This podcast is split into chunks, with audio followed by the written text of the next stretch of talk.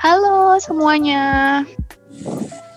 Halo teman-teman, selamat datang di podcast kita kali ini yaitu podcast Talk Chapter 3 yaitu salah satu program dari Departemen Sosial Masyarakat dan Lingkungan HIMA FPU. Nah, di sini kan Talk Chapter 3 Nindar. Buat teman-teman semua yang penasaran, loh Talk Chapter 1 sama 2-nya mana? Bisa banget dicek di IG at Hima EP Uner. Di sana kita udah ada record live Instagram tentang Talk Chapter 1 dan Chapter 2 yang pastinya juga dengan narasumber yang keren-keren dan kece-kece banget Nindar. Pastinya teman-teman pada penasaran banget kan nih narasumber yang akan kita undang kali ini siapa? Bentar dulu, Ndar. Sebelum memperkenalkan narasumber yang kece-kece ini, kita perkenalan dulu dong. Emang emang orang-orang tahu kita siapa? Iya juga ya. Tahu sokap, Bos. Iya, yuk kenalin semuanya. Aku Kay dari EP18 dari Departemen Sosial Masyarakat dan Lingkungan. Aku Fadar dari EP18 sama dari Departemen Sosial Masyarakat dan Lingkungan juga. Nah, di sini uh, tentunya udah pada penasaran dong siapa narasumber yang akan kita undang untuk uh, berbincang mengenai yaitu ada Kak Jessica dari demibumi.id dan Kak Nurul dari Bank Sampah Induk Surabaya. Udah Kak Jessica dan Kak Nurul dipersilahkan. Halo, salam kenal semuanya. Saya Jessica Halim, saya co-founder dari Demi Bumi. Demi Bumi itu apa sih? Demi Bumi sebetulnya suatu wadah di mana kita itu sharing education. Jadi kita memang fokusnya di edukasi, edukasi ke masyarakat Indonesia tentunya. Makanya kenapa bahasanya kita bahasa Indonesia. Karena kita ingin bahwa semua masyarakat Indonesia mengerti dan bisa membaca semua edukasi tentang sampah gitu. Karena um, kebanyakan um, yang kita lihat tuh kalau berhubungan dengan sustainability um, orang suka banyak ngomongnya bahasa Inggris, jadi kenapa enggak kita ngomong bahasa Indonesia, bahasa kita sendiri gitu. Jadi supaya kita juga lebih mendekat dengan um, budaya kita ya yang kita harapkan gitu. Dan kadang-kadang kita juga jadi menemukan kosakata-kosakata yang tadinya mungkin kita terlalu kebule-bulean gitu terus jadi tahu gitu, oh ternyata ada kosakata Indonesianya gitu kan. Nah, Um, jadi kita bikin wadah demi bumi ini. Jadi um, demi bumi sudah berjalan dua tahun kita baru ulang tahun dan um, selama perjalanan kita memang di Instagram kita itu fokusnya ya semua um, edukasi bagaimana fakta mengenai uh, sampah keseharian kita di rumah tangga dan apa yang harus kita lakukan supaya kita bisa mengurangi itu. Apa yang kita nyampah di diri kita masing-masing sendiri dengan apa yang kita pakai. Jadi menyadarkan hal-hal kecil ke diri kita masing-masing sih. Makanya fokusnya ke rumah tangga karena menurut kita karena 48% sampah rumah tangga yang lari ke TPA. Jadi kalau misalnya setiap rumah tangga bisa teredukasi dengan baik bagaimana alurnya sampah itu harusnya bekerja. Jadi bukan linear ekonomi tapi circular ekonomi dan bagaimana kita bisa menjadi um, salah satu bagian dari penyumbang sampah itu bahwa semua orang itu penyumbang sampah juga pasti semua orang mau bergerak gitu. Jadi men, uh, kita ingin menyadarkan aja sih ke semua kalangan bahwa kita semua itu bisa bergerak dan caranya bagaimana. Salah satunya ya bank sampah yang ada sekarang ini um, uh, karena saya kirim semua anorganik ke bank sampah supaya terdaur ulang. Dan itu memang solusi semua rumah tangga. Dan itu suatu program KLHK yang kurang terkomunikasikan ya menurut saya. Karena ketika saya ngomong sama bank sampah um, bank sampah bilang oh oke okay, udah diedukasi per kecamatan tapi kok nggak sampai ke kita nih gitu. Nggak sampai ke RT nih gitu. Jadi itu yang saya sayangkan gitu jadi hal-hal atau solusi ini sebetulnya sudah ada semua. Alur-alur sampah sebetulnya sudah ada. Cuman karena kurangnya edukasi makanya tidak sampai ke hati orang masing-masing. Jadi makanya itu yang kita sampaikan gitu. Kita gabungkan jadi satu supaya informasinya ini menjadi satu sistem di mana semua orang bisa lakukan dengan baik di rumahnya masing-masing.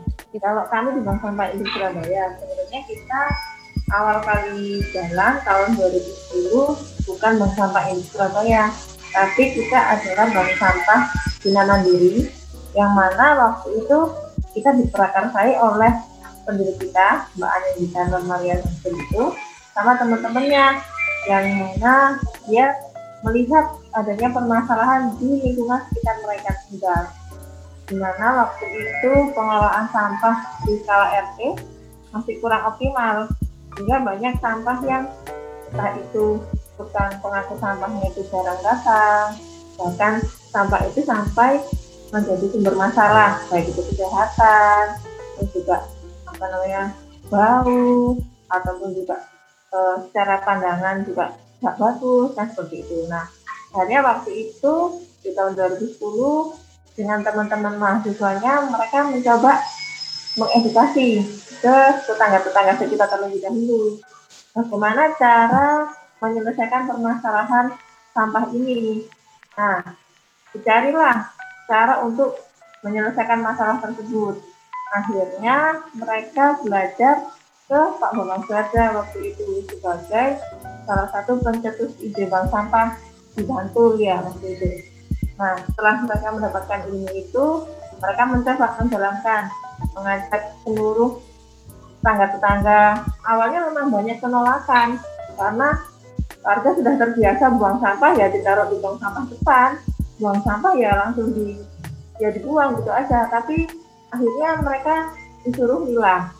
Padahal mereka juga bayar iuran sampah. Nah, penolakan-penolakan seperti itu terus terjadi. Namun seiring perkembangan waktu kita terus mengajak satu persatu mulai sadar akhirnya kita di tahun 2012 karena kita sudah cukup banyak ya yang berhasil kita sadarkan kita juga uh, ada peluang mengembangkan bank sampah kami kita mendapatkan peluang dari salah satu CSR jadi PLN waktu itu nah akhirnya kita mengembangkan layanan untuk apa namanya peng, apa eh, pengelolaan sampah ini. Jadi kalau warga sudah dikasih tahu, sudah diedukasi terkait pengelolaan sampah, tapi mereka nggak tahu harus dikemanakan sampah yang sudah saya pilah ini.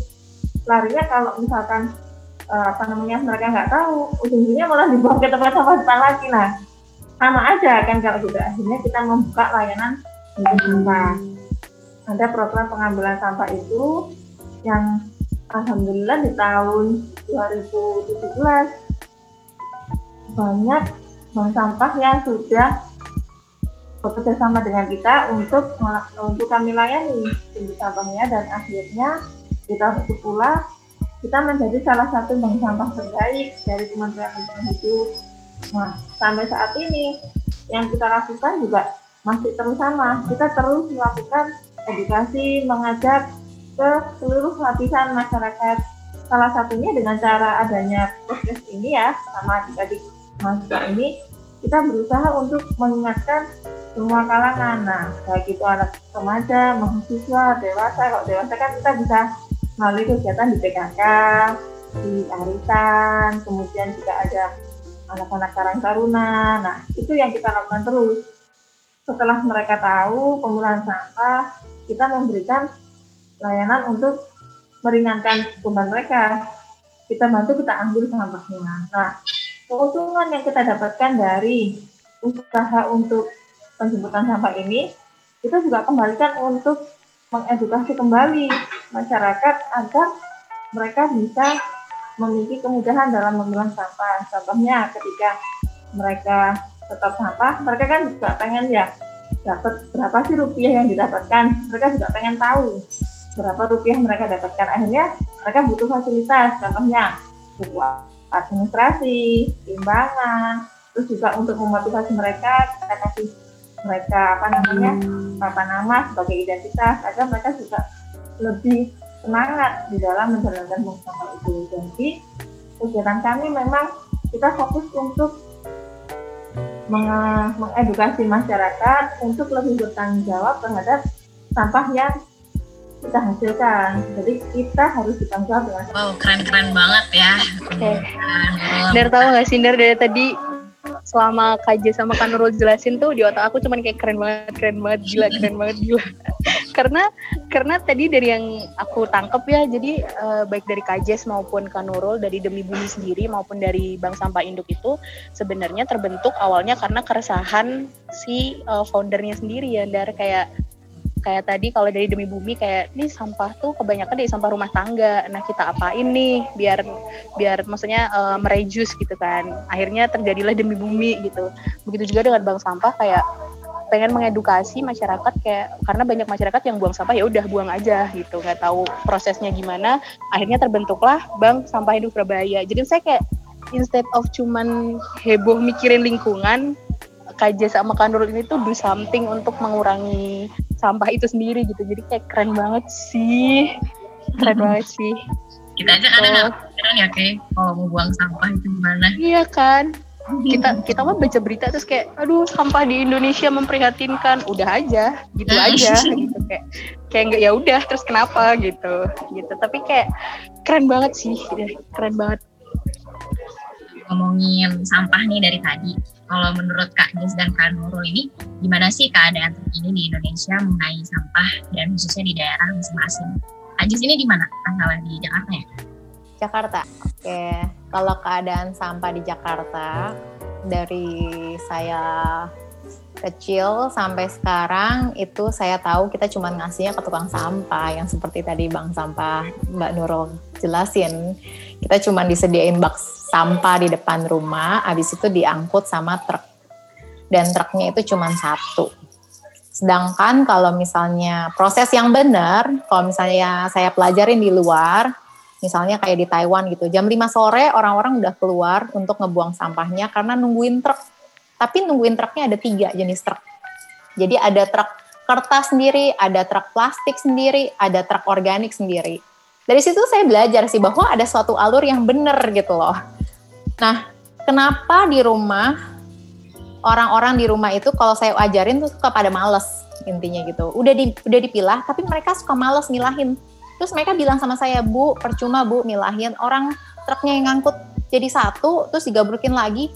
Saya pikir benar juga ya. Jadi kalau misalnya tempat saya cuma satu, misalnya di rumah gitu, disortirin uh, di belakang, terus abis itu digabrukin lagi jadi satu, ya itu percuma kita cuma buang-buang waktu aja ngesortirin sampah gitu kan. Um, jadi saya ngeliat bahwa ada suatu sistem yang dari dulu sampai sekarang itu kurang benar. Karena kita cuma menggantungkan diri pada tukang sampah dan pemulung. Yang seharusnya kita sendiri secara pribadi berkuasa dan bisa mengolah. Itu sih yang saya pelajarin ya selama ini gitu. Dan dengan saya belajar punya komposter, punya biopori, saya menjadikan sampah itu jadi bermanfaat. Kayak organik itu jadi pupuk, pupuk cair, pupuk padat. Apalagi selama pandemi ini saya nanam. Jadi kita nggak perlu bebelian pupuk kimia terutama. Atau enggak pupuk-pupuk organik lainnya yang mahal gitu kan. Ya kita pakai pupuk organik sendiri dari sisa makanan kita gitu. Jadi kita mengolah sendiri dan mengembalikan lagi ke alam kita. Habis itu kita makan lagi gitu kan hasilnya buahnya uh, sayurnya gitu. Jadi ini adalah suatu sistem yang menurut saya um, harusnya disadarin oleh semua orang. Cuman karena kurangnya edukasi, semuanya cuman teori di zaman sekolah. Kayak anak saya aja SD belajar biopori sama komposter, tapi hanya teori aja. Di sekolah nggak ngejalanin, oke di, di, di sekolah punya, tapi anak-anak tidak menjalankan itu misalnya. Kantin tidak menaruh semua sampah organiknya ke situ gitu. Mungkin itu cuma buat tempat daun doang gitu misalnya. Jadi kurang maksim, maksimal jadi hasilnya ya. Maksudnya suatu edukasi yang harusnya bisa dilaksanakan oleh semua pihak bahkan lebih gitu. Maksudnya kalau ngedukasi anak kan udah langsung perkeluarga tuh Erdian gitu kan. Jadi ed, anaknya jadi tahu, anaknya bisa kasih tahu orang tuanya gitu. Jadi kan um, jadi keluarganya juga bisa berubah. Sekolah itu adalah pusat edukasi soalnya. Nah, saya ngelihat ada miscommunication di situ. Jadi kebanyakan orang cuman um, karena belajarnya cuman oke okay, belajar belajar belajar tapi kurang prakteknya jadi nggak maksimum gitu dilaksanakannya cuman taunya Earth Day doang gitu cuman taunya um, plastik doang gitu styrofoam doang tapi nggak tahu nih bahwa sampah organik itu ternyata 60% yang lari ke TPA yang harus kita khawatirkan ternyata itu adalah penyebab gas metana yang menyebabkan cuaca kita semakin panas juga. Kita nggak pernah tahu itu kalau kita nggak belajar. Jadi saya dulu juga nggak nggak tahu kalau saya nggak research di Google. Jadi um, ketika saya uh, resah, terus saya mulai research-research terus gitu, uh, apa sih ada apa sih dengan sampah kita, ada apa sih dengan organik kita. Ternyata baru keluar kan, ternyata kayak gitu ya bahayanya. Baru kan kita jadi tahu dan kita jadi pengen melakukan satu. Nah itu yang saya uh, sharein ke teman-teman supaya teman-teman jadi paham apa yang sebelumnya mereka nggak tahu gitu. Jadi kita kasih kayak percikan-percikan lah uh, informasi supaya teman-teman mau mencari tahu lebih lagi dari situ dan at the end mau melakukan sesuatu. Nah, um, terus kalau misalnya udah lari ke TPA, kalau di Jakarta Bantar Gebang, nggak ada pengolahan yang jelas. Kemarin saya baru ke TPA sana uh, karena sempat ngelihat ada satu sanggar anak yang mau direnovasi. Terus saya iseng aja ngelihat ke tempat tumpukan sampahnya. Saya ngelihat ada pengolahan kompos. Tapi antara tumpukan sampah dengan pengolahannya tuh kayak nggak balance banget gitu. Pengolahannya kecil sekali gitu. Ada pengolahan kaleng, ada pengolahan plastik. Tapi cuma cacah aja gitu. Sayang gitu, saya menyayangkan banyak hal yang seharusnya kalau misalnya truknya udah dipisah, TPA-nya dipisah misalnya gitu ya. Pengolahannya kan jadi lebih maksimum gitu ya, lebih jelas lah gitu. Kita nggak akan menutup TPA gitu kan. Karena bentar lagi nih TPA Bantar Gebang yang di Jakarta akan ditutup saya dengar. Karena udah over capacity yang harusnya tingginya 10, 10 meter, sekarang udah 45 meter. Mungkin lebih sekarang karena tahun lalu 45 meter dikali 9 gunung sampah. Jadi kalau di Jakarta tuh dalam dua hari aja itu satu candi Borobudur ngebuang sampah ke situ. Dan mereka tuh cuman ya udah tumpukin terus tergantung sama pemulung karena itu mata pencarian pemulung mereka cuma bilang gitu kan. Um, terus ya udah nanti kalau udah penuh di itu di ditumpukin tanah lagi terus ditutup terus pindah lagi gitu loh. Jadi kayak kita memindahkan satu sampah dari rumah itu seperti kayak kita ngebersihin meja instead of kita tampung ke tangan sampahnya, kita jatuhin ke tanah yang lebih besar. Jadi kita kita uh, masukin sampah kita itu ke landfill. Anggapannya gitu. Jadi memindahkan sampah dari satu tempat ke tempat lain, bukan mengolah. Jadi itu kan bukan suatu solusi gitu. Jadi dan banyak teman-teman gak sadar akan hal ini. Mereka cuma berpikir bahwa yang penting rumah gue bersih, semuanya masukin aja tempat sampah. Yang penting bersih. Karena memang edukasi kita tuh salah. Dari awal tuh kita cuma diedukasi ngebuang sampah pada tempatnya. Kalau kita cuma diedukasi ngebuang sampah pada tempatnya orang pasti akan ngebuang terus. Kenapa enggak kita diedukasi ngurangin sampah? Kenapa enggak kita diedukasi memilah sampah dengan benar dan mencucinya? Dan belajar mengolahnya. Itu sih. Jadi ya yang kita harapkan akan semakin banyaknya edukasi sehingga semua orang bisa berbuat sesuatu. Gitu.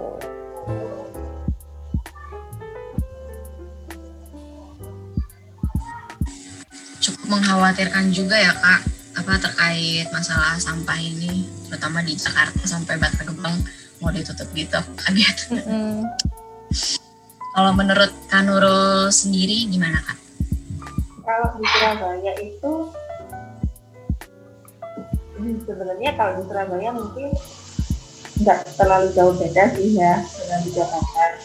Cuman kalau di Surabaya beruntungnya kota Surabaya ini mereka memiliki sistem seperti kompetisi uh, Surabaya Smart City, Surabaya dari Sampah, kemudian Surabaya Green Clean, yang mana kompetisi itu salah satu penilaiannya adalah bagaimana proses pengelolaan sampah di masing-masing lingkungan, di masing-masing RT dan RW di sana. Akhirnya mau nggak mau, mungkin memang awalnya mereka ini ya motivasinya sekedar untuk bisa ikut lomba, dapat hadiah, tapi menurut kami hal itu sudah cukup bagus untuk memantik awal agar mereka mau memilah sampah dari rumah Cuman memang hal tersebut kompetisi tidak boleh berhenti di sana. Kita harus terus melakukan pendampingan ke mereka, kita harus terus mengajak dan mengajari mereka agar cara dalam kita mengelola sampah itu baik itu dengan mengurangi, terus menjadikan kompos, dimasukkan ke takakura ataupun yang lain segala macamnya itu, itu menjadi sebuah perilaku keseharian rutin, ada dan tidak adanya lomba. Nah, kalau di Surabaya sendiri, memang kalau sekilas dari beberapa yang terlihat masih ada sebenarnya sudut-sudut yang ini mereka masih agak bandel gitu ya ketika diajak untuk berubah jadi lebih baik tapi dengan proses yang terus dilakukan oleh pemerintah bertahun-tahun mengadakan kegiatan kompetisi lingkungan itu kemudian adanya motivator atau adanya pendamping lingkungan. Paskel ya. Fasilitator lingkungan di masing-masing RT RW dan kecamatan itu itu menjadikan Surabaya sudah cukup lumayan bersih sih seperti itu. Tapi memang itu tidak bisa dilepaskan hanya mengandalkan adanya sistem kompetisi dari masyarakat dari pemerintah untuk merubah masyarakat menjadi lebih baik. Tapi kita semua harus terus bersama-sama mengingatkan mereka mengajak mereka jadi lebih baik ya. dan terlebih di ini di aspek edukasi ke anak-anak. Sama seperti uh, kata Kak tadi yang sudah tertanam ke mereka kan buang sampah pada tempatnya. Tapi untuk merubah menjadi pilah sampahmu kemudian kelola sampahmu itu yang butuh waktu. Dan itu tidak tidak mudah karena ketika mereka sudah pilah sampah kenyataannya kalau sekarang di Surabaya truk pengangkut sampahnya juga masih satu. Makanya adanya program bank sampah itu itu menjadi salah satu salah apa ya inisiasi dari masyarakat, inisiasi dari kita semua yang memiliki kesadaran untuk ya sudah mungkin sampah organiknya biar yang yang ngangkut eh, apa namanya petugas di TPA karena di sana juga ditutup untuk diambil metannya dijadikan sumber daya listrik dan segala macamnya tapi minimal sampah yang masih bisa didaur ulang nah itu harus kita selamatkan dan seperti itu jangan sampai dia tercampur dengan sampah basah karena kalau sudah tercampur dengan sampah basah malah susah untuk didaur ulang.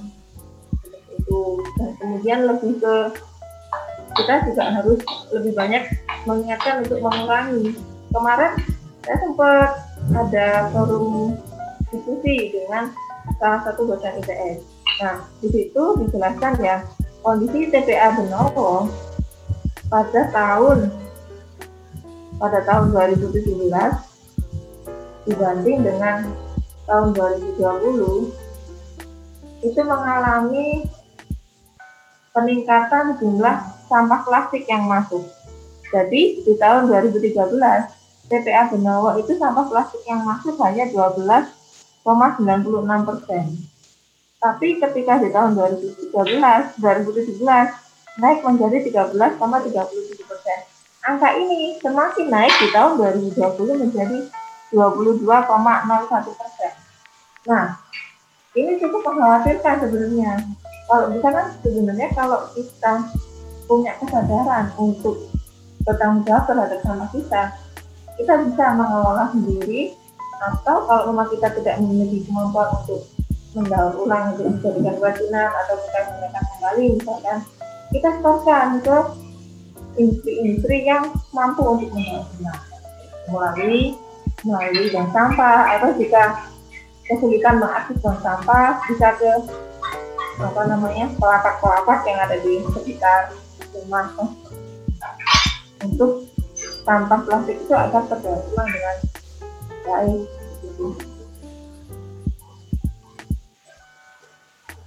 Wow, uh, aku sama founder aja yang kita kuliah di Surabaya have no idea banget yang dari kayak ternyata udah separah ini gitu keadaan sama di Surabaya. Kita mah taunya oh oke okay, gitu aja nggak sindar yang penting buang sampah yang iya kayak abis gitu harus dipilah dan lain sebagainya ya udah gitu bukan urusan aku gitu kan selama ini kita mikirnya gitu. Nah terus kita langsung uh, ke temanya aja kali ya kak. Kan ini kita tema podcastnya adalah Little Thing with Big Impact. Nah sebenarnya aku mau founder sendiri tuh belum terlalu paham gitu kak jadi kayak uh, kalau menurut kak Jess sama kak Nurul sendiri yang udah expert banget nih di bidangnya masing-masing tuh menurut kak Jess sama kak Nurul tuh apa sih makna dari little thing with big impact gitu Oke, menurut saya little thing uh, itu maksudnya bahwa kita sendiri, kita itu little. Kita itu menumbuhkan impact yang besar dari sampah kita. Jadi contohnya gini ya, saya perempuan. Selama saya menstruasi, saya menyumbang 11.000 plastik hanya untuk pembalut sekali pakai. Itu saja. Fokus misalnya satu doang. Belum sedotan belum plastik-plastik kiloan. Hanya untuk menstruasi saja saya menyumbang 11.000. Itu. Itu little thing. Bahwa saya bisa membuat perubahan yang besar dengan melakukan ini untuk diri saya sendiri. Intinya gitu. Jadi perubahan diri masing-masing itu berpengaruh besar terhadap perubahan dunia juga. Jadi sedikit pun atau apa pun yang kita bisa kurangin itu akan impact besar terhadap dunia. Jadi jangan pernah takut untuk belajar mengurangi. Mengurangi bisa bermulai dari tote bag. Dari tote bag lihat isinya. Lihat kemasan-kemasan sekali pakainya gimana caranya kita ngurangin dengan membawa wadah sendiri. Dengan membawa jaring serut kita bisa membeli buah tanpa plastik harganya tempel di luar dengan membawa wadah kontainer-kontainer bekas saja gitu ya kita bisa mengurangi penggunaan styrofoam dan plastik pada daging ketika kita ke supermarket minta timbang harga di uh, harga uh, minta timbang wadahnya harga tempel di luarnya jadi little thing ini bisa mengubah banyak sekali gitu saya cuma belajar untuk diri saya sendiri ternyata impactnya besar juga kepada follower demi bumi misalnya gitu. Padahal saya sama Juliana hanya ingin meluangkan waktu untuk sharing informasi. Tapi ternyata teman-teman banyak yang mau belajar. Itu little thing. Hanya meluangkan waktu untuk belajar dan berubah dan share informasinya, perubahannya itu bagaimana, solusinya itu bagaimana. Ternyata banyak orang mau berubah gitu. Karena kita memberikan contoh Orang tidak akan mau berubah dengan omongan orang lain, tapi orang mau berubah dengan contoh yang diberikan oleh orang lain dan mereka menyukai contohnya itu. Jadi um, kita nggak usah gembar-gembor uh, jelekin orang, kita berubah aja untuk diri kita sendiri karena kita semua pasti menyumbang sampah dan kita semua pasti bisa mengurangi sesuai habit kita gitu. Habit kita nyampahnya apa ya kita bisa lihat sendiri dan belajar sendiri. Itu sih menurut saya. Oke, kalau menurut Kanuru? Kalau menurut saya uh, sesuatu yang kecil itu berasal dari apa yang kita pikirkan terlebih dahulu. kalau kita mau melakukan sesuatu itu kan pasti kita punya alasan pasti kita punya apa namanya uh, kenapa apa tujuan kita melakukan hal tersebut nah berbicara mengenai sampah kita melihat sampah itu kan sesuatu yang pasti kita hasilkan ketika kita terus melakukan proses konsumsi. Di mana proses konsumsi itu akan menghasilkan sedikit atau banyak sampahnya tergantung dari cara kita nah seperti itu. Nah kita mungkin bisa melakukan sesuatu yang sebenarnya sederhana tapi memiliki dampak yang besar yaitu dengan itu ubah pola pikir kita terkait dengan sampah itu. Nah, kita harus punya pandangan atau punya pemikiran bahwa sampah kita tanggung jawab kita sampahku tanggung jawabku kan seperti ini. Dari situ kita akan berusaha untuk memikirkan kalau ini adalah tanggung jawabku misalkan kita apa namanya diundang begitu ya ke acara pesta nikahan teman kalau kita memang nggak suka sama makanan itu ya kita jangan jangan mengambil terlalu banyak karena bisa jadi misalkan mata kita yang wah ini kelihatan enak dan segala macamnya. Kita ngambil seenaknya padahal kalau sampah makanan yang nggak kita habiskan tadi itu eh, makanan yang tidak kita habiskan akhirnya menjadi sampah nah itu akan berdampak untuk kita sendiri juga. Kalau ditumpuk sisa makanannya orang Indonesia itu paling banyak setelah Arab Saudi nah secara jumlah ya kita melihat orang Indonesia itu sampahnya bisa satu tahun itu bisa sampai 300 kilo sendiri bisa makanan sampah di sana-sana. Nah, dari hal kecil sisa makanan itu, kalau kita bisa mengurangi, maka kita akan bisa memberikan dampak yang cukup besar. Padahal di sisi Indonesia lain masih banyak ya orang yang kekurangan makan, masih banyak mereka yang di bawah garis kemiskinan. Nah, dari hal kecil itu, itu kita kalau bisa apa namanya tanggung memiliki tanggung jawab, memiliki kesadaran untuk bertanggung jawab terhadap sampah kita, maka perilaku kita akan memiliki dampak besar untuk masyarakat sekitar kita. Itu. Speechless sih. Dengar kaji sama Kanurul kayak sebenarnya agak tamparan ya Dar. Aduh, Kandur langsung hilang. Sebenarnya kayak tambaran tamparan buat aku sih kak. Kayak tadi udah kata Kajes kayak kita terutama wanita aja udah nyam, udah nyampah sebelas ribu tuh. Itu udah maksudnya udah takdirnya gitu ya. At least kita tuh nyampah sebelas ribu gitu. Belum yang lain-lain. Terus tadi Kajes juga nyinggung masalah sedotan. Aku jadi merasa bersalah. Karena aku punya sedotan masih tapi nggak aku pakai kak. Nggak aku pakai. Nggak nggak aku pakai gitu. Terus uh, katakan dulu sendiri juga benar kalau semua dari pola pikir ya kak ya. Jadi kayak tadi sesederhana. Maksudnya kadang orang mikir gini loh kak. Apa ya yang bisa aku lakuin buat lingkungan tuh kayak harus oh aku harus nanam seribu pohon gitu. Atau aku harus nyelam nyelam lautan se Indonesia buat ngambilin sampah. Padahal kayak dari contoh yang dikasih sama Kajes sama Kanurul sendiri kayak sesederhana. Kalau pergi ke pesta ya udah ambil makan se seporsi kamu aja gitu. Atau tadi kata Kajes kayak beli buah pakai tas serut gitu kan. Itu tuh udah ya bener-bener banget. Itu udah little things with big impact gitu tanpa kita sadar. Keren banget sih. Parah. Maaf ya kak aku cuma bisa bilang keren banget karena emang cuma itu yang ada di aku. Kayak dari tadi kan Nurul sama Kajes jelasin cuma kayak iya iya. Termasuk aku aku salah satu followers demi bumi sama bang sampah induk juga kak. Gara-gara demi bumi iya bener banget Iya, aku juga. Gara-gara demi bumi sekarang aku jadi tanam sayur di rumah. Yeay. Iya ya, se-impact itu sih. Maksudnya bener-bener kalau kayak kita cuman kayak uh, ayo ayo ayo tanpa kita kayak kasih contoh juga orang kayak Allah lu juga ngomong doang gitu ya kayak ya. jadi kayak hmm. emang kita juga harus ngasih contoh dulu nah terus kan tadi uh, Kanul sama Kajes udah ngejelasin ya uh, tentang kegiatan contoh kegiatan dari little things with big impact. Nah sekarang mungkin banyak orang yang nanya kali ya kak kayak tadi Kajis bilang kalau ke supermarket harus bawa tas tote bag sendiri atau tadi kata Nurul bilang kalau ke pesta uh, bawa eh, apa ngambil makan ya udah secukupnya aja gitu. Beberapa orang bakal mikir kayak kenapa sih harus harus dilakuin? Kayak benefit benefit apa sih yang aku dapat gitu? Ngaruhnya uh, balik ke aku itu dalam bentuk apa gitu? Kalau aku misalnya ikut jaga lingkungan dengan little things ini gitu. Mungkin bisa dijelasin buat teman-teman di sini.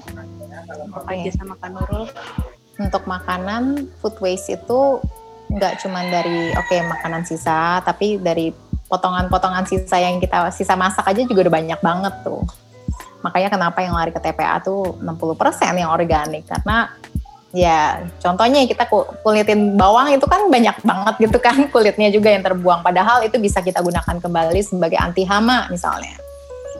Um, jadi banyak sekali manfaat-manfaat dari organik yang sebetulnya teman-teman tuh kalau belajar amazed sendiri gitu. Jadi kalau kita belajar ternyata manfaatnya tuh balik ke kita lagi karena uh, Ya, misalnya ekoenzim. Ekoenzim itu terbuat dari semua kulit buah sama sayur.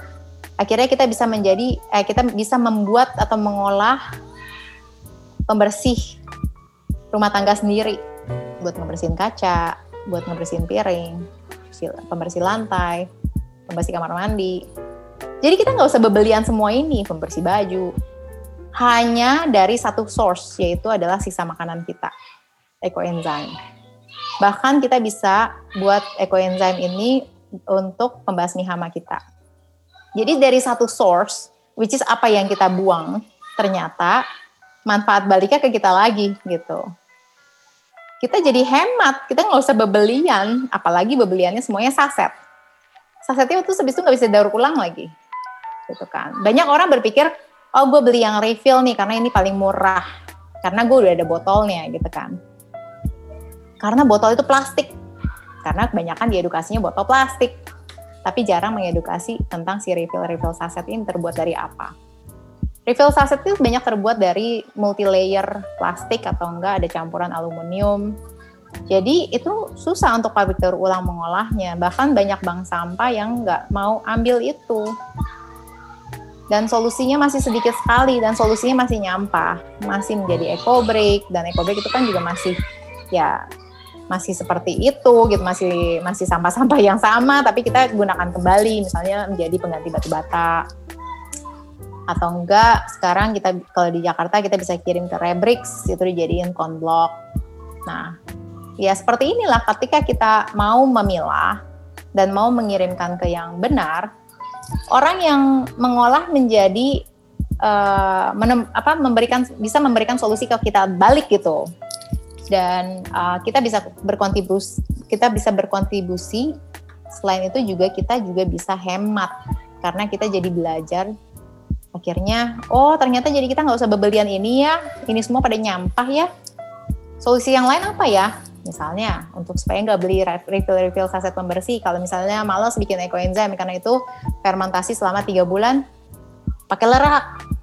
Lerak itu cuma direndam air panas 5 menit ternyata udah jadi sabun gitu lerak ternyata cuma direbus aja udah jadi sabun lerak harganya 15 sampai 30 ribu untuk 250 gram itu untuk semuanya, untuk satu bulan saya pakai, untuk membersih baju, untuk cuci piring. Karena satu buah itu bisa dipakai berkali-kali sampai 10 sampai 15 kali. Itu kan gila gitu. Itu sesuatu yang hemat yang perlu disuarakan lebih banyak ke semua orang karena ini adalah hasil karya negara kita juga. Ini source-nya juga ditemukan di Jawa sama Sumatera. Buahnya banyak. Kenapa? Karena kita penghasil batik. Banyak dipakai untuk cuci batik. Nah, buah yang banyak dipakai untuk cuci batik orang berpikir bahwa ini untuk cuci batik doang. Padahal manfaatnya lebih banyak dari itu karena kurangnya edukasi lagi gitu. Padahal bisa buat apa shampoo hewan, shampoo manusia, sabun manusia gitu kan. Um, sabun cuci piring, pembersih lantai, pembersih uh, baju. Jadi wah padahal cuma dari satu buah doang. Jadi saya cuma stok satu buah untuk segalanya gitu, untuk membasmi hama juga. Jadi kan hemat hemat banget manfaatnya. Balik ke kita ya hemat gitu. Kita hemat. Selain kita juga melindungi bumi kita kita juga hemat. Habis itu tinggal biji. Udah jadi biji kita apa ini? Kita tanam lagi. Gitu.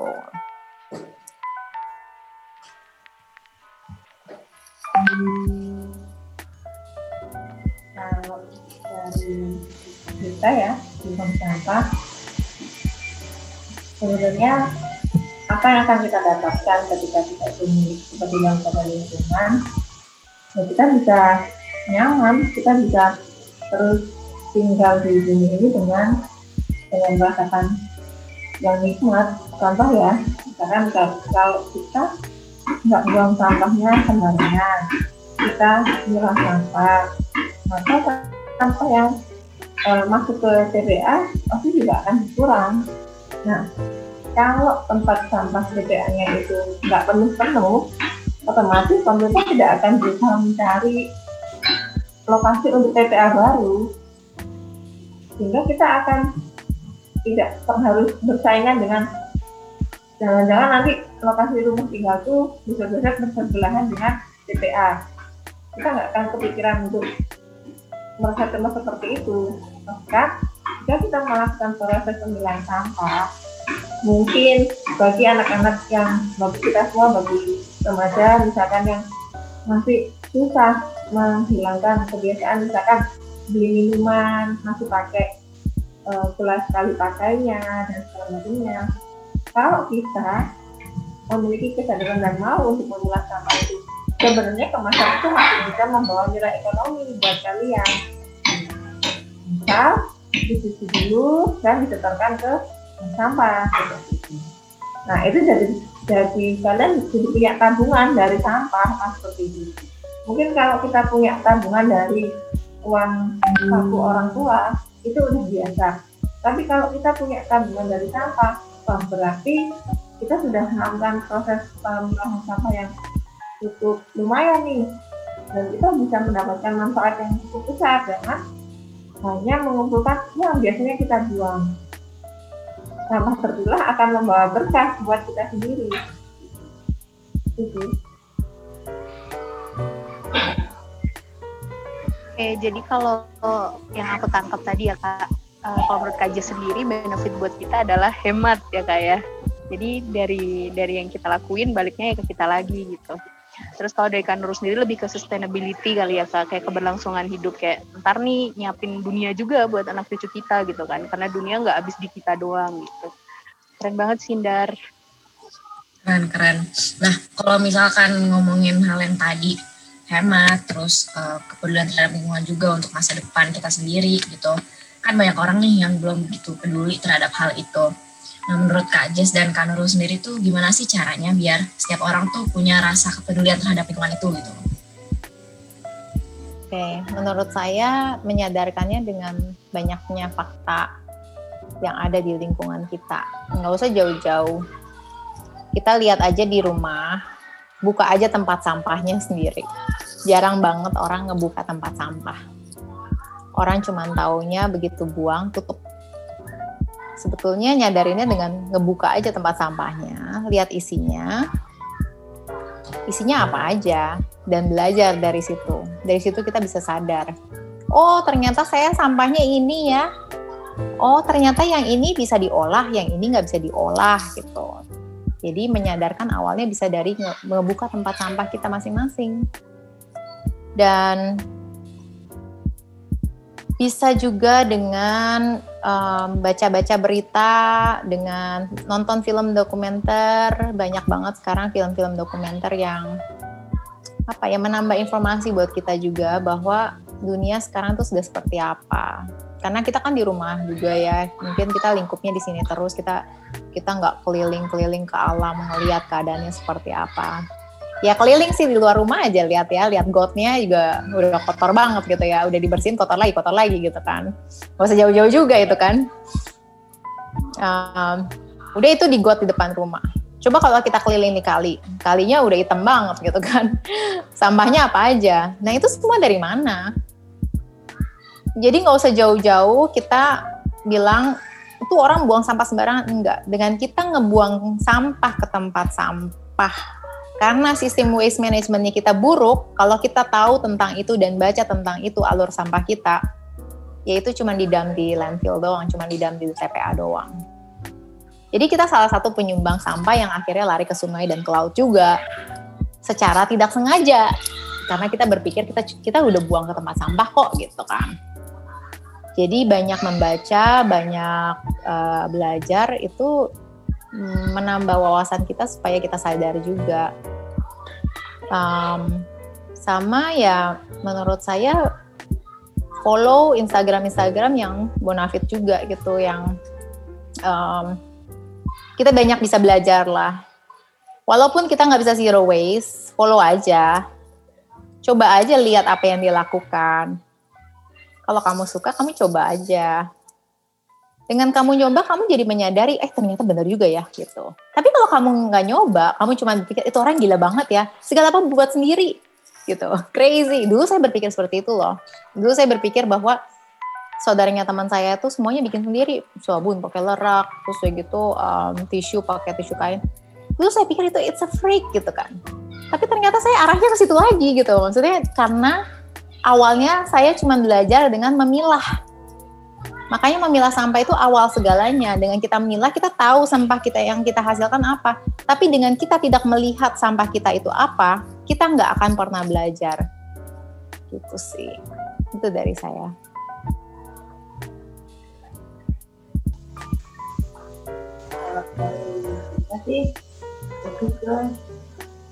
Kita kan sebagai seorang sosial ya, kita pasti akan memberikan banyak dampak kepada kita kita. baik itu mungkin teman kita, keluarga kita, atau orang yang nggak kenal kita sama sekali awalnya.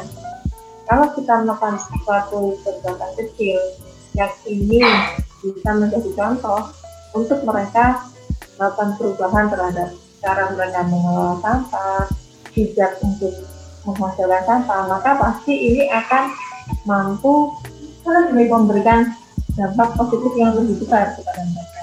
Jadi kalau kita ya kita sebisa mungkin menjadi contoh, kita memberikan apa ya dampak positif ke mereka semua dengan kita melakukan perbuatan kecil yang berdampak, maka kegiatan kita itu sebenarnya sudah menjadi bisa ditiru oleh yang lain. Contoh yang paling sederhana, misalkan kita bawa botol minum sendiri untuk air putih. Jadi kalau misalkan kita ada kegiatan di luar, ke mall atau ke mana pun, teman-teman kalau bisa minimal bawa botol minum sendiri.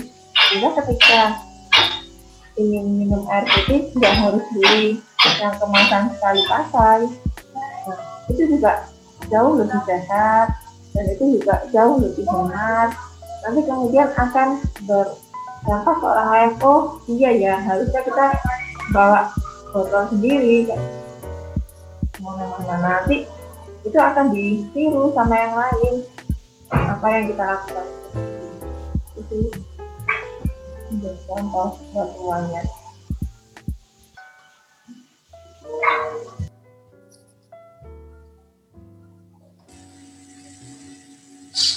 Jadi uh, sebenarnya kuncinya itu adalah kita coba dulu ya kak.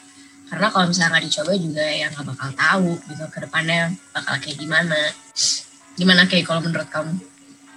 Ya bener banget sih kayak aku gak tahu keren banget kayak kayak aku sebenarnya tuh ngobrol sama Kaja sama Kanurul dari tadi tuh pertama emis, kedua itu kayak nampar diri sendiri ya karena tadi kayak sedotan masih plastik ya kan terus katakan Nurul ke mana-mana bawa tumbler. Enggak aku masih ke mana-mana beli minuman kemasan gitu. Kayak abis ini kayaknya aku harus buka buka tempat sampah di rumah ya dar lihat apa aja sih sampah kamu gitu. Oke selanjutnya kan tadi it, hah? Gimana dar ya sih kalau misalnya okay. dari diri aku sendiri kayak aku juga hmm. sering kalau follow Instagramnya mengenai isu lingkungan gitu kepedulian lingkungan. Tapi ya benar jujur aja sekedar baca gitu tapi belum pernah dicoba. Gitu. dan itu sih yang perlu ditanami harus dicoba dulu. Kasih tahu dar IG apa aja yang yang yang harus di follow biar kita mulai cinta sama lingkungan? Demi bumi dan ID sama at Bang Sampah Induk Surabaya. Bisa dicek Instagramnya ya guys ya at least kita maksudnya kayak tahu lah ini sampah tuh harus diapain biar bisa di uh, maksudnya kayak memilah sampah yang baik gitu. Selanjutnya nih kak. Kan uh, tadi udah ya bahas yang little things with big impactnya. Sekarang aku pribadi sebenarnya penasaran kayak apa aja sih program yang ada di demibumi.id gitu dan di Bank Sampah Induk Surabaya gitu. Ada program apa aja dan itu terbuka untuk umum atau enggak kalau misalnya kayak kita mau gabung gitu atau mau join gitu bisa atau gimana Oke, kalau di Demi Bumi kita banyak kasih workshop gratis. Sebelum pandemi itu kita banyak keliling, banyak diundang. Kita kita nggak pernah kasih proposal-proposal ke mana-mana. Kita banyak kan diundang oleh sekolah, diundang oleh korporasi, diundang oleh mall, diundang oleh kampung-kampung um, dari lewat pengajar gratis yang suka mengajar di sana. Jadi benar-benar random sih. Dan apa yang kita ajarin semua sama. Yang kita fokuskan memang bagaimana kita bisa kontribusi mengurangi sampah lewat rumah tangga kita masing-masing dan caranya seperti apa. Uh, terus pengganti bahan-bahan yang ramah lingkungan seperti apa, contoh-contohnya pemakaiannya seperti apa, cara bikinnya, kegunaannya, dampaknya. Jadi um, kita banyak kasih edukasi itu. Terus habis itu biasanya kita ada aktivasinya. Karena kan kalau workshop gitu kan orang pasti seneng gitu kan mereka melakukan sesuatu yang fisik. Nah, kita bikin pengganti plastik namanya Beeswax Food Wrap. Beeswax Food Wrap itu teman-teman bisa bikin dari kain bekas yang 100% katun. Tinggal dilapisin lilin lebah sama virgin coconut oil, disetrika doang pakai baking paper atas bawah. Dan itu mudah banget Jadi sesuatu yang mudah, kalau kita sharein informasinya ke semuanya, kasih resepnya, makanya ada di highlight ini bumi. Jadi teman-teman semua pada bisa bikin. Itu yang kita harapkan. Dan kalau selama pandemi karena workshop fisik nggak bisa, kebanyakan kita banyak diundang sama universitas-universitas seperti kalian ini. Jadi banyak diundang ngajar, jadi narasumber, kasih webinar, informasi yang kita sampaikan sama. Jadi fokus di rumah tangga karena kita pengen rumah tangga itu kan hati kita. Jadi kalau misalnya kita mau mengubah rumah tangga kita, berarti kita mau mengubah diri kita untuk menjadi lebih baik. Dan kita bisa bermulai dengan rumah tangga itu suatu yang big banget. Kenapa? Karena rumah itu kita berhubungan dengan orang lain kebanyakan. Nggak cuma kita doang. Misalnya teman-teman yang tinggal di kos juga kan pasti ada teman-teman di kos atau kita yang tinggal sama orang tua, gimana caranya mempengaruhi orang tua itu kan juga susah ya, karena mereka mempunyai habit yang berbeda. Tapi kita bisa pelan-pelan ya udah kita lakuin apa yang kita bisa dulu gitu. Nah saya contohnya saya tinggal sama mertua sama kakak ipar, rumah bukan rumah saya. Gimana caranya, caranya saya mengubah sistem sampah? Untungnya saya masak di rumah, untungnya saya ngurusin dapur, jadi ya udah tempat sampahnya saya ubah saya bikin notes pemilahan sampah dari awal mereka buang sampah, which is di ruang tamu udah di notein tuh tempat sampahnya. Ini kertas, ini plastik, ini botol, ini saset, ini organik. Jadi untuk orang-orang yang masih membuang sampah atau menerima sampah dari orang lain, bisa ditempatkan ke pilahan sampah yang benar Habis itu ya di belakang kita tinggal kumpulin, habis itu kirim ke bank sampah atau diolah menjadi di, di komposter dan biopori gitu sih. Jadi um, apa ya? Menurut saya um, suatu sistem ini banyak diperlukan supaya semua orang bisa turut menjalankan um, dan ngikutin alur yang benar gitu. Jadi nggak cuman kita aja, tapi ya gimana caranya kita memberikan contoh ya kita membuat suatu sistem juga gitu. Kalau kita cuma kasih contoh tapi terus kita tidak menyediakan sistemnya kita juga yang capek. Kayak saya dulu akhirnya capek karena tempat sampahnya cuma satu tuh saya saya ngolah milahnya di belakang di gudang. Akhirnya saya capek gitu saya capek nggak bersihin sampah kok nggak habis-habis sampahnya bukan saya gitu kan. Jadi kayak ngomel di, di belakang gitu. Nah tapi kalau kita udah kasih notesnya di depan kita jadi nggak capek juga gitu kan. Um, jadi usaha kita juga bisa berhasil dan mempengaruhi orang-orang um, atau keluarga kita sendiri untuk mulai berubah. Berubah ya sebisa mereka. Kita nggak maksa juga karena kalau misalnya itu suatu peraturan atau suatu paksaan bukan dari hati mereka, itu tidak akan maksimal loh pada akhirnya. Kayak misalnya tante saya orang Bali, dia bilang di Bali wah plastik semuanya udah di ban loh yes kita udah nggak boleh pakai plastik um, bahkan sekarang kita udah kontribusi sekarang di apa uh, landfill landfillnya udah pada ditanam tanemin terus saya pergi traveling sama dia ke Taiwan jalan-jalan keluarga gitu reunian. Dia ambilin semua plastiknya. Terus saya bingung gitu. Jadi ini adalah suatu peraturan aja yang dia dia jalanin jadi dia nggak benar-benar ngerti maksudnya kenapa gitu. Itu sih yang saya harapin tuh lebih ke hati. Kalau misalnya semua orang ngerti tujuan ini semua itu untuk apa di mana pun mereka berada nggak cuma di negaranya dia. Pas jalan-jalan pun ke mana ya yang nggak usah diambil plastiknya bawa tote bag gitu sih maksud saya gitu loh. Jadi kita semua bisa itu itu sih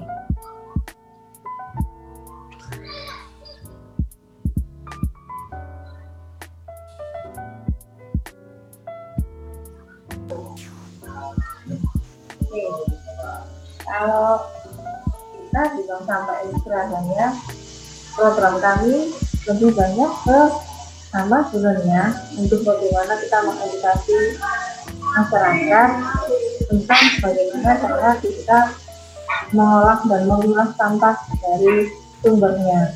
Kenapa kita bicara dari sumbernya? Karena sebenarnya kita sebagai personal ini yang pasti akan menghasilkan sampah dan kalau dari kita sendiri itu sudah tahu cara memilah, tahu cara mengolah, pasti sampah ini tidak akan masuk ke TPA ke dalam berlebihan. Hanya sesuai dengan mana memang tidak bisa kita olah sendiri. Nah, setelah kita melakukan proses edukasi itu, biasanya sih kita memang ada beberapa eh, wilayah-wilayah uh, yang sudah menjadi uh, apa ya dampingan kita juga terkait dengan bagaimana pengolahan sampah di sana. Tapi kita tidak hanya di aspek yang sudah berjalan saja, tapi kita juga bisa untuk mengingatkan, mengedukasi siapa pun yang ingin tahu terkait dengan pengelolaan sampah itu. Baik itu melalui kegiatan seperti ini ataupun di kegiatan yang diadakan oleh PKK, RT, RW yang sifatnya memang mereka inisiatif sendiri dari ibu-ibu dan bapak-bapak di sana tertarik untuk mengelola sampah. Setelah kita melakukan edukasi, kita juga memfasilitasi mereka untuk melayani penjemputan sampah secara gratis. Nah, kalau sampah mereka tidak banyak, mereka mungkin bisa ya setelah langsung sendiri ke bank sampah, ke bank sampah tapi kalau mereka dalam kondisi yang terbatas, kemudian dikolektifkan dengan RT misalkan, jadi bareng-bareng semuanya membuang sampahnya. Pasti itu akan kesulitan kalau mereka nggak ada air nadanya. Oleh karena itu kita memiliki layanan jemput sampah gratis pemerintah. Itu Terus yang berikutnya yang kita lakukan juga kita memberikan uh, apresiasi kepada para pahlawan lingkungan. Kita punya program peduli pahlawan lingkungan. Waktu awal-awal COVID kemarin, banyak industri daur ulang yang dia tutup karena kena aturan PSBB dan lain sebagainya. Akhirnya para apa namanya eh, pelaku daur ulang itu sempat mengalami kondisi harga pembelian sampah plastik itu sangat jauh bahkan akhirnya kita sendiri pun kan juga juga belum berani untuk melakukan kegiatan bersama untuk mengelola sampah dari banyak warga. Hanya kita berusaha agar mereka para pahlawan lingkungan ini baik itu pemulung, petugas pengangkut sampah, ataupun relawan-relawan yang melakukan pemilihan sampah RT RW kita berusaha berikan sedikit apresiasi ke mereka baik itu sembako entah itu apa namanya masker, sanitizer, sabun cuci tangan agar ketika mereka melakukan program pengolahan sampah ini mereka tetap aman walaupun di tengah pandemi nah, dari mana sumbernya? Dari donasi sampah begitu. Jadi dari beberapa orang-orang yang memang mereka punya kepedulian kita tawarkan ke mereka oh ini uh, bolehkah untuk donasi untuk kegiatan Karena mereka dengan senang hati oh sangat boleh gitu nah dari donasi sampah itu kita berikan kembali untuk kesejahteraan para pahlawan. Kemudian kalau teman-teman dari hasil tabungan sampahnya misalkan dari tabungan sampah itu bisa dimanfaatkan untuk banyak hal misalkan untuk teman-teman pembayaran online misalkan bayar listrik atau di pulsa atau di kuota internet dan lain sebagainya. Itu bisa bisa dilakukan dari tabungan sampah itu mungkin yang bisa yang selama ini sudah kita lakukan. Keren-keren banget ya Dar.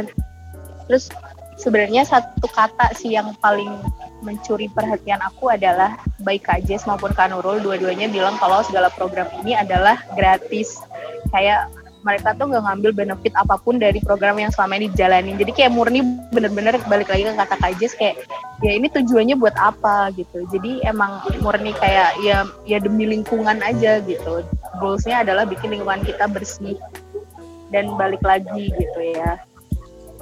Kuncinya adalah dari hati betul Gak kerasa nih kak, kita udah ngobrol hampir satu jam, udah satu jam ya. Seru banget. Iya banyak banget sih dapat apa ilmu-ilmu baru ya kayak. Iya. Mm-hmm. Habis gini aku bikin sabun sendiri sih di rumah.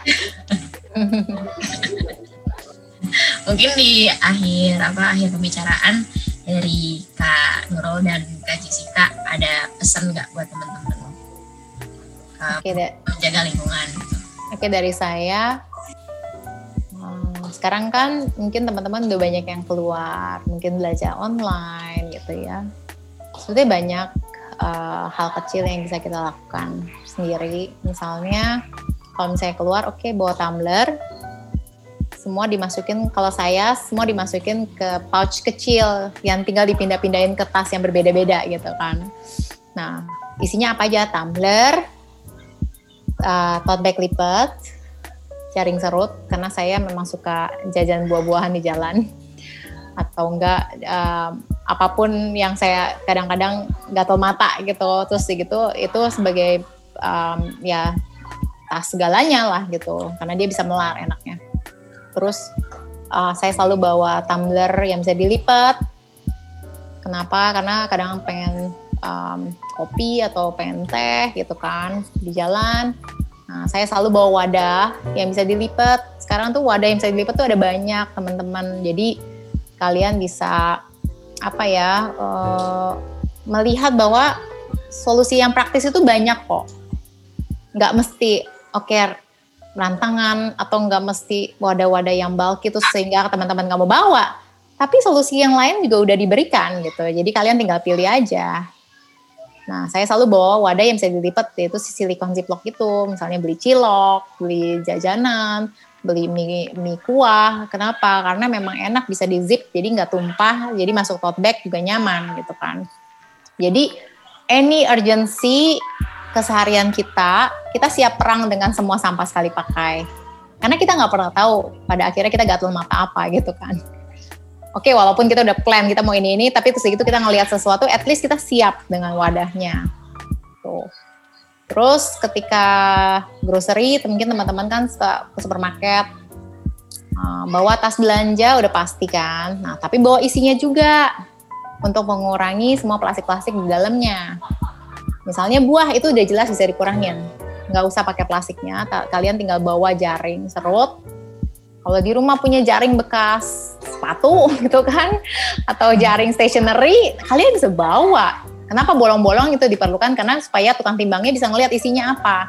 Supaya kasirnya bisa cross check lagi isinya apa.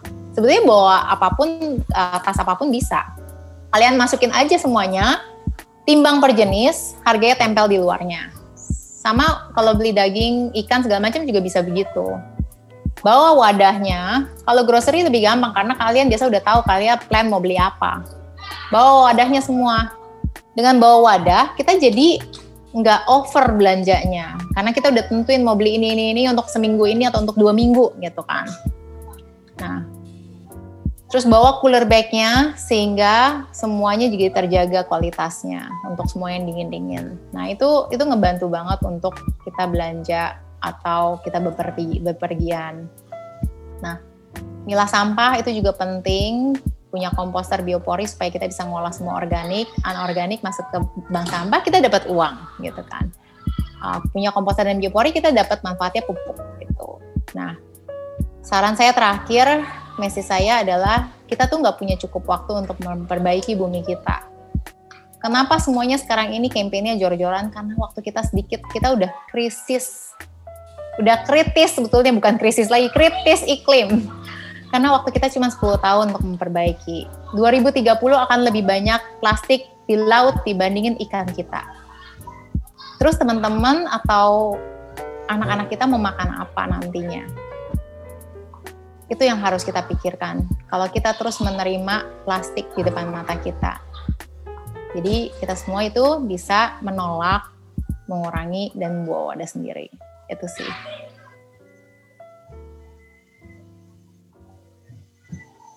kalau terakhir ya dari saya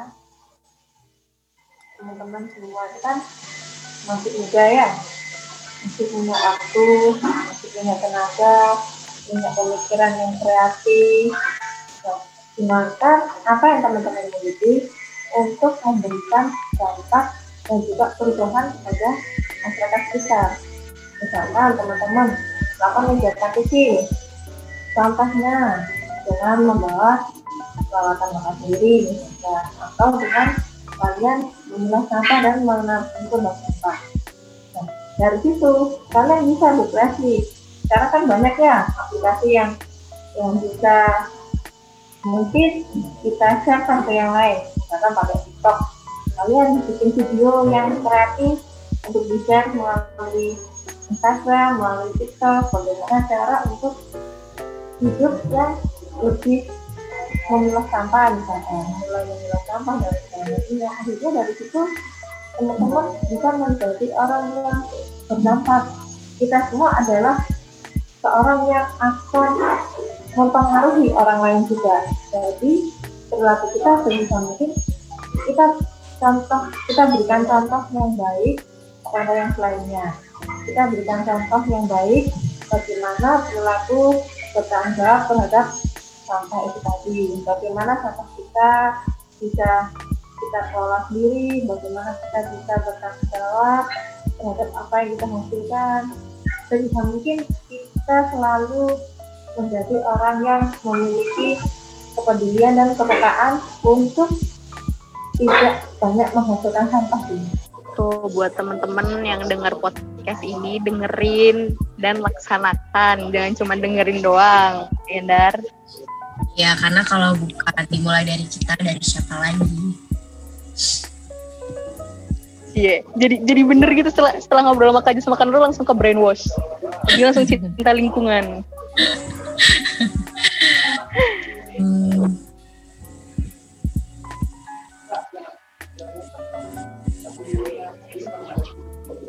Okay.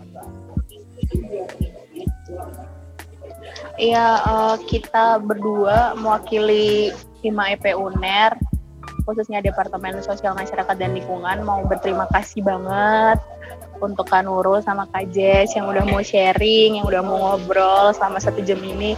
Ini kayaknya obrolan obrolan paling berisi aku seumur hidup selama satu jam ini ya, Dar. Kayak wow, gitu. Ya, makasih. Kalau aku boleh rangkum, kalau aku boleh rangkum uh, obrolan kita di podcast ini pakai dua kata, udah sih, Mas. Cuman keren banget. Parah. Keren banget parah. Tiga tiga kata. Kalau dari aku sangat menginspirasi. Makasih. Tiga dong. Tiga tiga dong Oh, saya juga harus tiga ya. Terima kasih semoga bermanfaat gitu. kan Terima kasih semoga dilaksanakan. oh, bener bener kak. Terima kasih semoga berubah gitu kan. hashtag nanti buat hashtag dar buat hashtag di podcast. Dari Kanuro kak. Iya tiga kata tiga, kak. Jadi challenge nih jadi challenge tiga kata sekarang kita dan selamanya. Semuanya dari kita. Kan. Kita dan kita selamanya harus melakukan itu. Asik. konsisten ya. Konsisten hmm. tuh penting. Konsisten. Benar. Kan lu sampai sampai akhir masih membahas tentang sustainability ya. Keren banget. Um, ya udah uh, mungkin ini dulu kali ya kak. Apa uh, foto sesi foto bersama buat dokumentasi eh, siap siap eh, bener dong aku nyari lighting dar. Ribet banget deh nah. Ya ma maaf ya kak soalnya aku ini lagi di luar. Iya. Dia lagi liburan kak. Satu satu dua tiga.